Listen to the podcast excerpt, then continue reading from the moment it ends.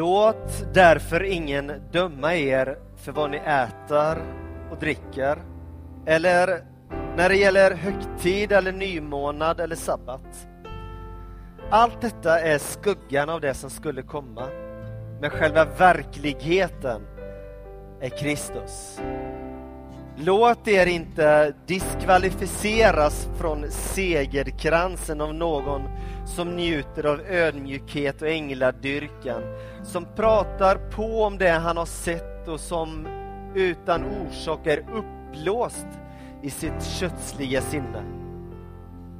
Han håller sig inte till honom som är huvudet och som får hela kroppen att växa med den tillväxt som Gud ger, stödd, sammanhållen som den är av leder och senor.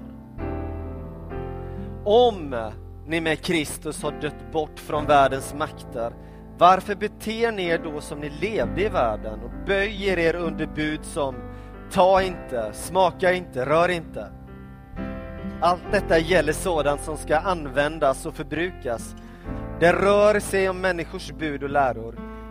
Visserligen ser det ut som vishet med självvald fromhet, ödmjukhet och späkning av kroppen, men det har inget värde utan tillfredsställer bara det kötsliga sinnet. Herre, vi tackar dig för att du är här. Vi tackar dig för att du vill tala till oss idag. Du ser att vi kommer alla här inne utifrån den verklighet som vi var och en lever i med vår ryggsäck, med våra tankar, med våra känslor, med våra funderingar, med det som har hänt under veckan och vi kommer med det just nu här och du känner till det allting. För dig är det uppenbart, för dig är ingenting som ligger i dunkel utan du vet. Och just där vill du möta oss just där vill du tända en passion och tända en eld som har en förmåga att förtära allt det som, som är dysfunktionellt i våra liv, det som, det som drar ner, det som, det som inte bygger. Tack Herre för att du vill möta oss med liv, du vill möta oss med hopp, du vill möta oss med tro, med, med nåd. Tack för vad du gör här i ena kyrkan idag. Tack för vad du gör.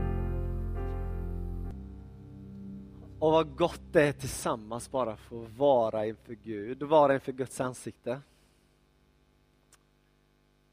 Han är här, mitt ibland oss. Där två eller tre samlade i mitt namn, säger Jesus, där är han mitt ibland oss. Och, vänta här nu, en, två, tre, fyra, fem, att vi är fler. Han är här, mitt ibland oss. Min dröm och min längtan är att du ska, du ska gå härifrån idag eh, förnyad på insidan. På grund av att, att Jesus har gjort någonting i ditt liv min, eh, min dröm, min, eh, min längtan och min bön är att vi, vi ska lämna den här byggnaden idag och möta våra vänner, arbetskompisar, grannar på ett chockerande sätt. För de kommer att se att du har varit med om någonting. Du har mött Gud. Eh, vi är mitt inne, eller det här är faktiskt det näst sista tillfället vi har då vi ska studera Kolosserbrevet. Sista tillfället är nästa söndag då Christer är tillbaka och eh, knyter ihop, samlar ihop tankarna. Eh, vill du ha en underrubrik för den här temat som vi har nu, som är Kristus är nog, så är det den här rubriken jag skulle vilja ge dig. Håll fast vid segern. Håll fast vid segern och texten utgår ifrån den som du redan har hört och jag kommer läsa den igen lite mindre bitar, uppstyckat lite grann.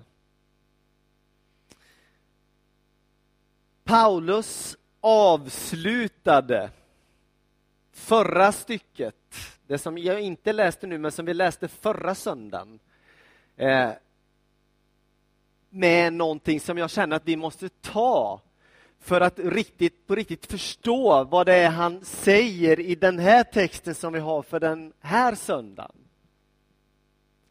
Han avslutar förra stycket med att säga att Jesus Kristus har avväpnat härskarna, makterna, när han triumferade över dem. På vad då? På korset. Det Paulus gör här, det är att han använder en bild eh, som är ifrån den romerska världen, som folket som läste den här texten mycket väl kände igen. Han använder bilden av ett triumftåg, ett romerskt triumftåg. De hade sett det här. Det var kutym i städerna i den romerska provinsen när en armé, romersk armé har gjort en seger ute på fältet någonstans så kommer man in i staden i ett triumftåg. Och i släptåg av det här triumftåget, som är otroligt mäktigt, så har man de man har segrat över som är helt avklädda, nakna, till allas förakt. Det är den bilden han vill visa. Det här har hänt på korset. Det här har hänt på korset. På Golgata. Därför, säger han, det här har hänt. Är ni med nu? Det här har hänt på korset. Därför så kommer vi in i vår text som jag alldeles snart ska läsa igen. Låt ingen ta segern ifrån dig. Tänk om vi kunde bära med oss den här bilden av ett triumftåg. Det som hände för 2000 år sedan handlar faktiskt om att de här stora sakerna som du och jag upplever som enorma problem i våra liv har Jesus redan segrat över. Han har redan segrat över. Han har avväpnat de där makterna som vi är så förtvivlat rädda för, oroliga inför. Och han utsatt dem för allas förakt. Åh, vad gött det hade varit att ha haft ett halleluja på det i Pingstkyrkan. Alltså.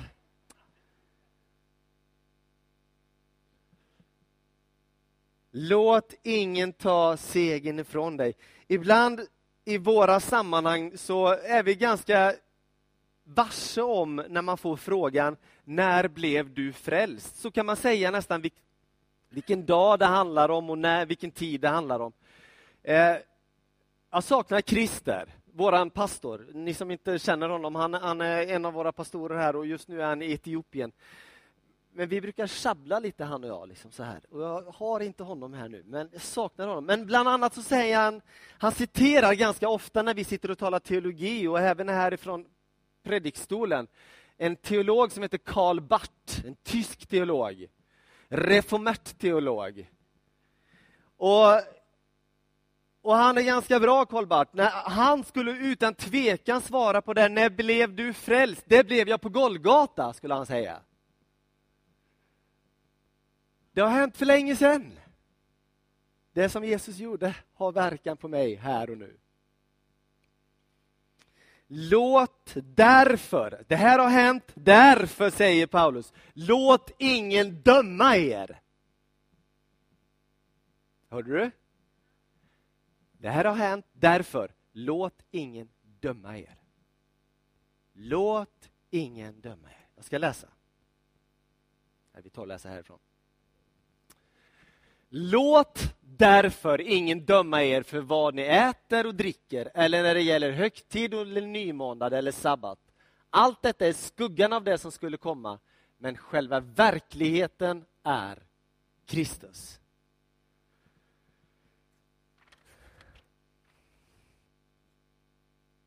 Det här går, som jag ser det, åt två håll.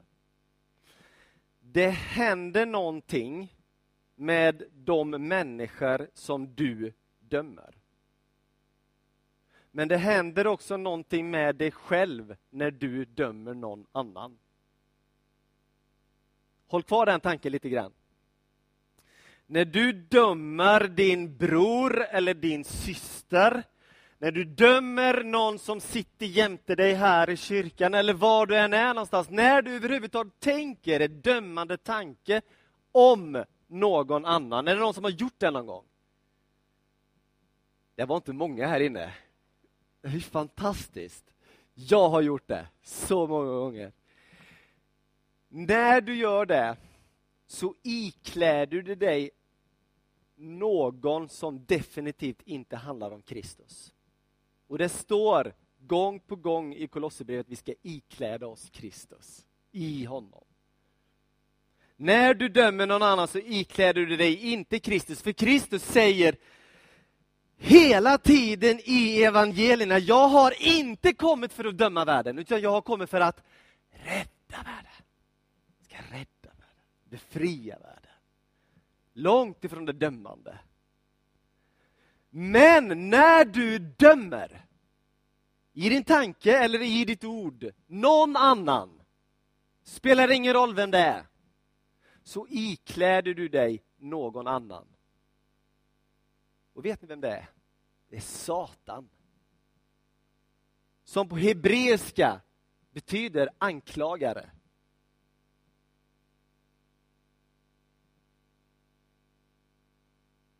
Det här är allvarligt.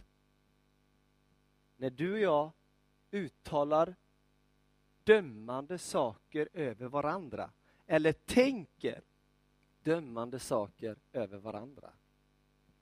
Låt ingen döma dig.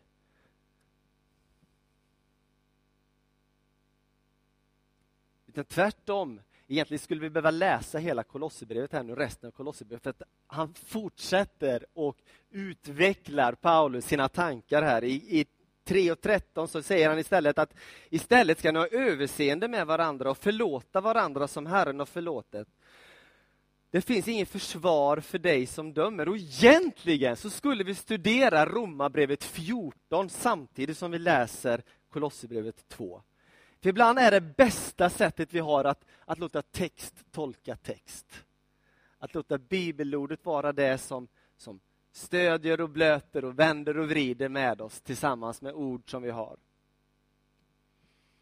För det andra, låt ingen döma dig för att vara otroligt nutida så skulle jag kunna säga så här, ta ingen skit. Ja, förlåt. Men det är det, det som Paulus säger. Låt ingen döma dig.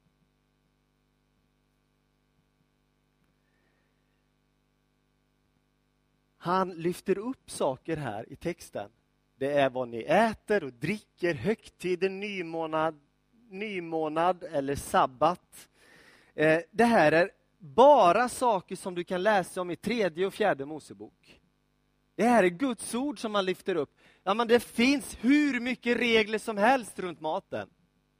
Det finns hur mycket regler som helst runt nymånader. Det finns hur mycket regler som helst runt sabbaten. Och högtiderna.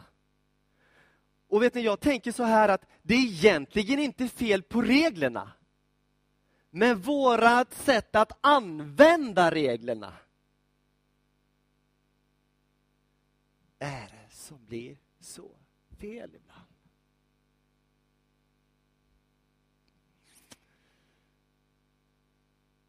När regler som de vi har här på något sätt backar oss i ett dömande av varandra, då har reglerna blivit fel, hur mycket de än står i Guds ord. Är du med på den? Då har de skjutit fel. Roma, får, jag, bara läsa ett stycke i Romarbrevet? Romarbrevet 14. Eh, jag tror vi behöver ha med oss den texten.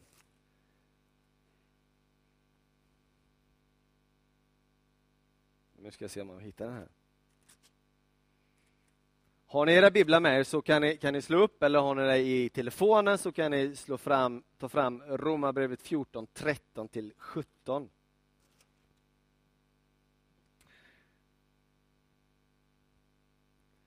Eh, I Kolosserbrevet, innan jag läser det här, så kommer Paulus, kommer du se sen nästa söndag om du kommer hit, vilket jag tycker du ska göra, eh, så kommer Paulus lyfta fram att i det här livet ni har, så är det så viktigt att ni tar med er kärleken in.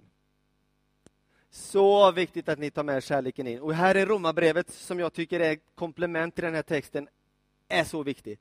Låt oss därför inte längre döma varandra. Bestäm er istället för att inte lägga hinder eller stöttestenar i vägen för en broder.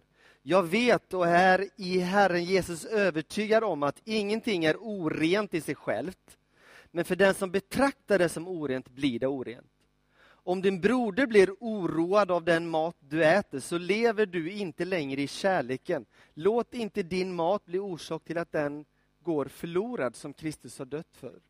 Låt därför inte det goda ni fått bli smädat. Guds rike är inte mat och dryck, utan rättfärdighet, frid och glädje i er helige Ande. Eh,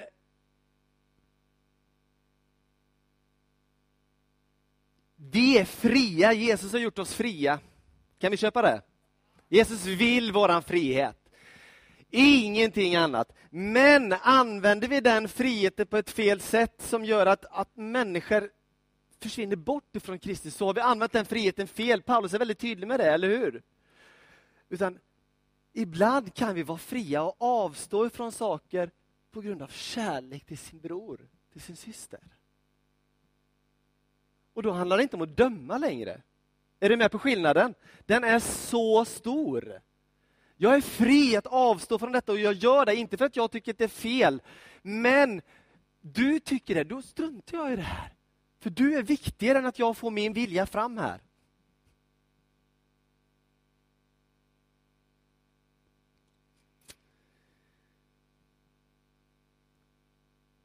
Vi läser vers 18 till 19. Låt er inte diskvalificeras från segerkransen av någon som njuter av ödmjukhet. Ser ni att det är i sån här taxöron här? Och äng, det är så i Bibeln, alltså. det är inte jag som har satt dit eh, Och ängladyrkan som pratar på om det han har sett och som utan orsak är upplåst i sitt kötsliga sinne.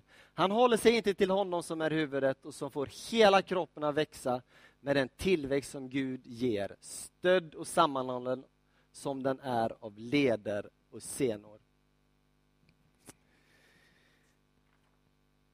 Här kommer det riktigt mörka i dömandet. Låt er inte diskvalificeras från segerkransen. Termen är hämtad härifrån idrottens värld. Han måste ha gillat idrott, Paulus. Vilket jag tycker är positivt. Eh, inte längre få del av segerkransen, att bli exkluderad ifrån det som Jesus redan har gjort. Alltså det har sett ut så ganska många gånger i våra sammanhang, i våra kyrkor, att man har känt sig dömd och därför inte längre orkar vara med i gemenskapen. Är du med? Och det får inte vara så. Det får inte vara så. Att när människor som mest egentligen skulle behöva Jesus så orkar man inte för man känner sig dömd av den gemenskap som skulle älska mig in i Guds närhet.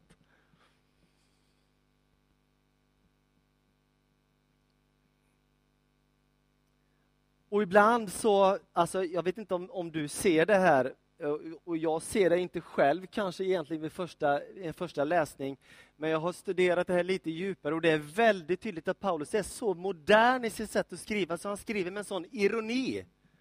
Att det verkar som de här som kommer med de här, rör inte, smaka inte, gör inte det, det, det. Att de är så ödmjuka, att de är så fina, att de är så heliga, att de är så sanna, att de är så duktiga. Du vet, är ni med?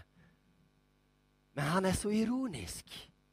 De bara spelar. Liksom. Det är reli re massa, massa religiositet.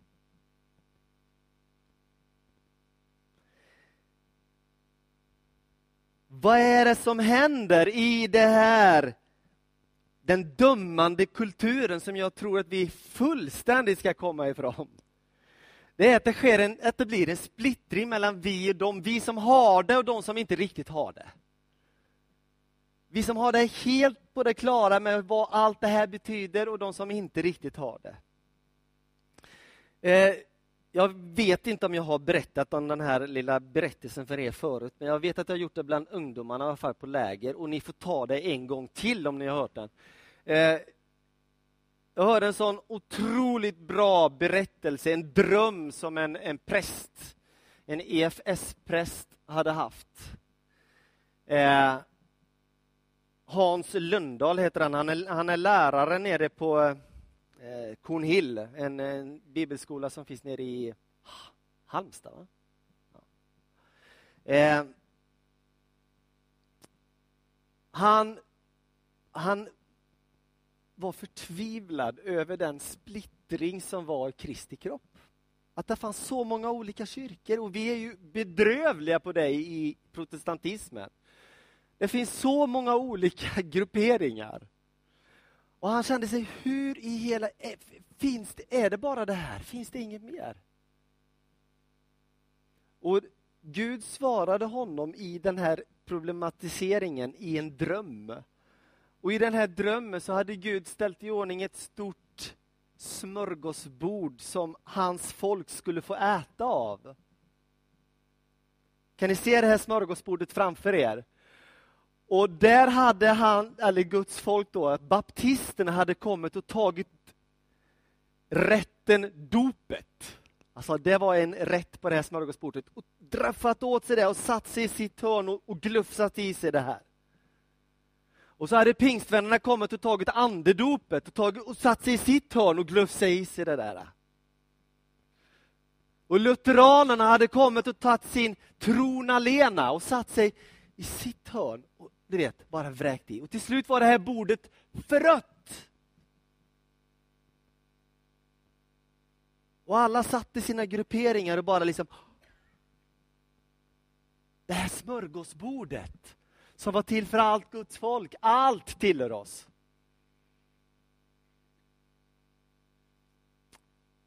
Och Hans Lundahl frågar Gud, är det inte någonting mer?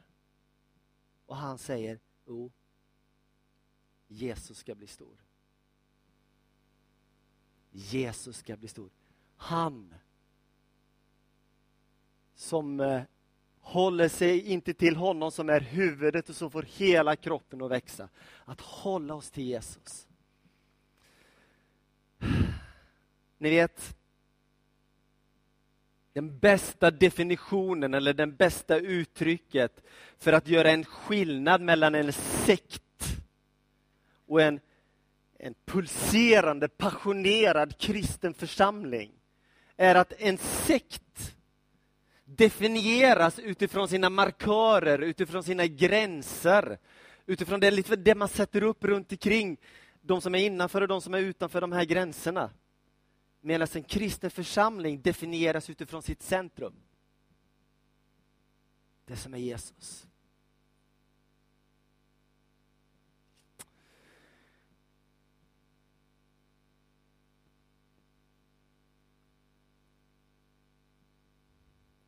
Visst det fantastiska är här, när vi låter Jesus bli stor, precis det som Hans drömde om, så är det han som bygger sin församling.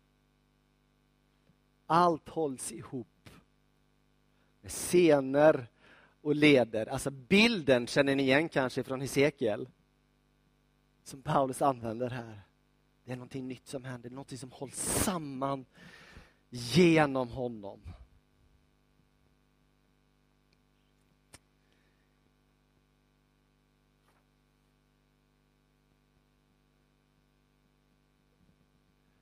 Om ni med Kristus har dött bort från världens makter, varför beter ni, beter ni er då som om ni levde i världen och böjer er under bud som ta inte, smaka inte, rör inte? Det verkar, när man läser Kolosserbrevet, som om församlingen har, har glidit bort ifrån en passionerad gemenskap med Jesus Kristus och fastnat i alla de här tilläggen som vi talade om förra söndagen. Alltså att det har blivit ett, ett system, en, en religion, en religiös klubb på något sätt istället för att bara vara hängiven Jesus. Eh,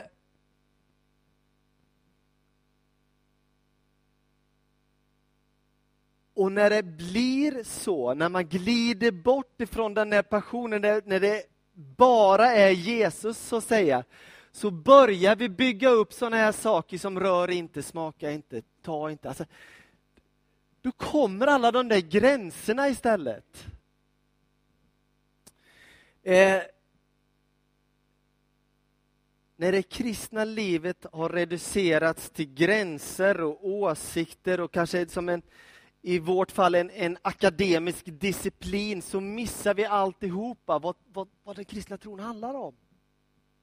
Det är ett liv vi har att leva.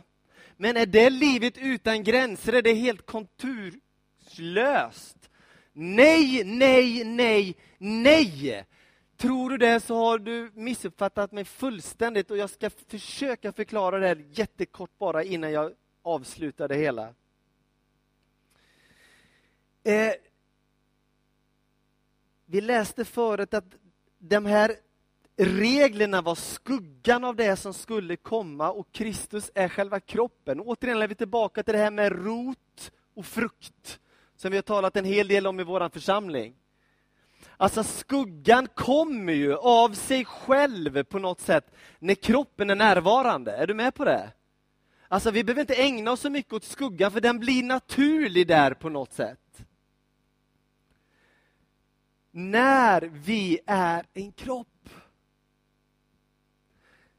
För att förklara det här så skulle jag bara vilja läsa ett stycke lite längre fram i Kolosserbrevet. Och Det här är som en predikan i sig själv. Eh, Christer kommer predika utifrån det här nästa söndag. Men det här är som en liten försmak på den predikan, kanske, jag vet inte. Lyssna här, det här, det här är fantastiskt. Ert gamla liv är slut. Det är som en hög slitna, illaluktande, illasittande paltor som ni har lagt, tagit av och lagt på elden. Det gamla livet. Ni har fått en splitterny garderob istället. Halleluja. Splitterny garderob istället. Vartenda plagg i det nya livet är måttsytt av skaparen och bär hans märke. Det gamla modet är helt föråldrat. Ord som judisk och icke-judisk, religiös och icke-religiös smaka inte, ta inte, du vet, alltihopa. Infödd och utlänningsslav eller fri, det betyder ingenting. Från och med nu är det Jesus som gäller för alla. Alla får rum hos Jesus. Här är bra. Det fortsätter, hör. Eftersom Gud har utvalt er till att få leva med honom i kärlek, så ska ni klä er i de plagg som Gud har handplockat åt er. Medkänsla, vänlighet, ödmjukhet, styrka i det tysta, självbehärskning. Var toleranta mot varandra, nöj er med andra platsen. Det där gillar jag, nöj er med andra platsen.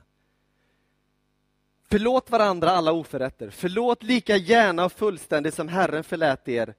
Och hur ni annars än klär er, glöm inte, lyssna nu, glöm inte kärleken. Det är ert basplagg i alla väder för alla tillfällen. Var aldrig utan den. Visst är det här bra? Det här är, det här är vi behöver inte fundera så mycket på de där gränserna. Blir det inte gränslöst. Och nej, men när vi lever med Jesus så kommer det där andra på ett icke dömande sätt. Naturligt. Tror du på det?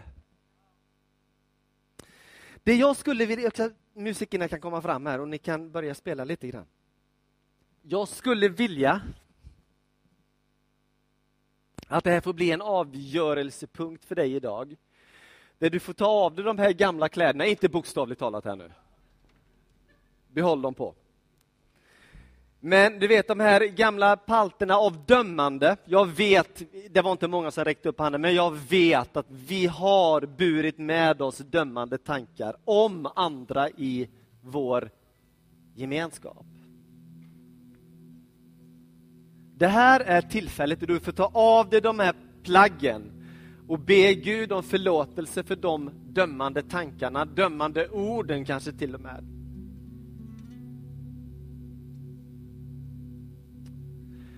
Det här är också det tillfället då du kanske har blivit sårad av någon som har varit dömande mot dig i den här gemenskapen. Och Gud vill göra någonting med dig idag. Han vill lägga sin hand på ditt hjärta och låta det hjärtat bli fullständigt läkt. Fri ifrån det här dömandet. Vi behöver inte det där dömandet. Låt ingen ta segerkransen ifrån dig. Låt ingen, därför, låt ingen, för det Jesus redan har gjort. Låt det inte vara ogjort. Det jag ska göra det är att be dig som, som, som vill ta emot den här läkedomen. Som, som vill komma fram här både för att ta emot men också be om förlåtelse för alla gånger som jag har levt i det här dömandet. Det enda jag ska göra det är att, att smörja ett kors i din panna. Det gamla är förbi, någonting nytt har kommit. Du är ett Guds barn. Jag har oljeflaska med mig och den ska användas idag. Eh, så vi ska sjunga här tillsammans och jag ser framför mig hur vi fyller på här. För vi, vi längtar efter detta. Vi längtar efter en gemenskap som inte är dömande, som är fri. Som är så fri. Varför? Jo, för vi, vi vet att segertåget har redan gått. Han har avväpnat allt det här dömandet. Så välkommen fram.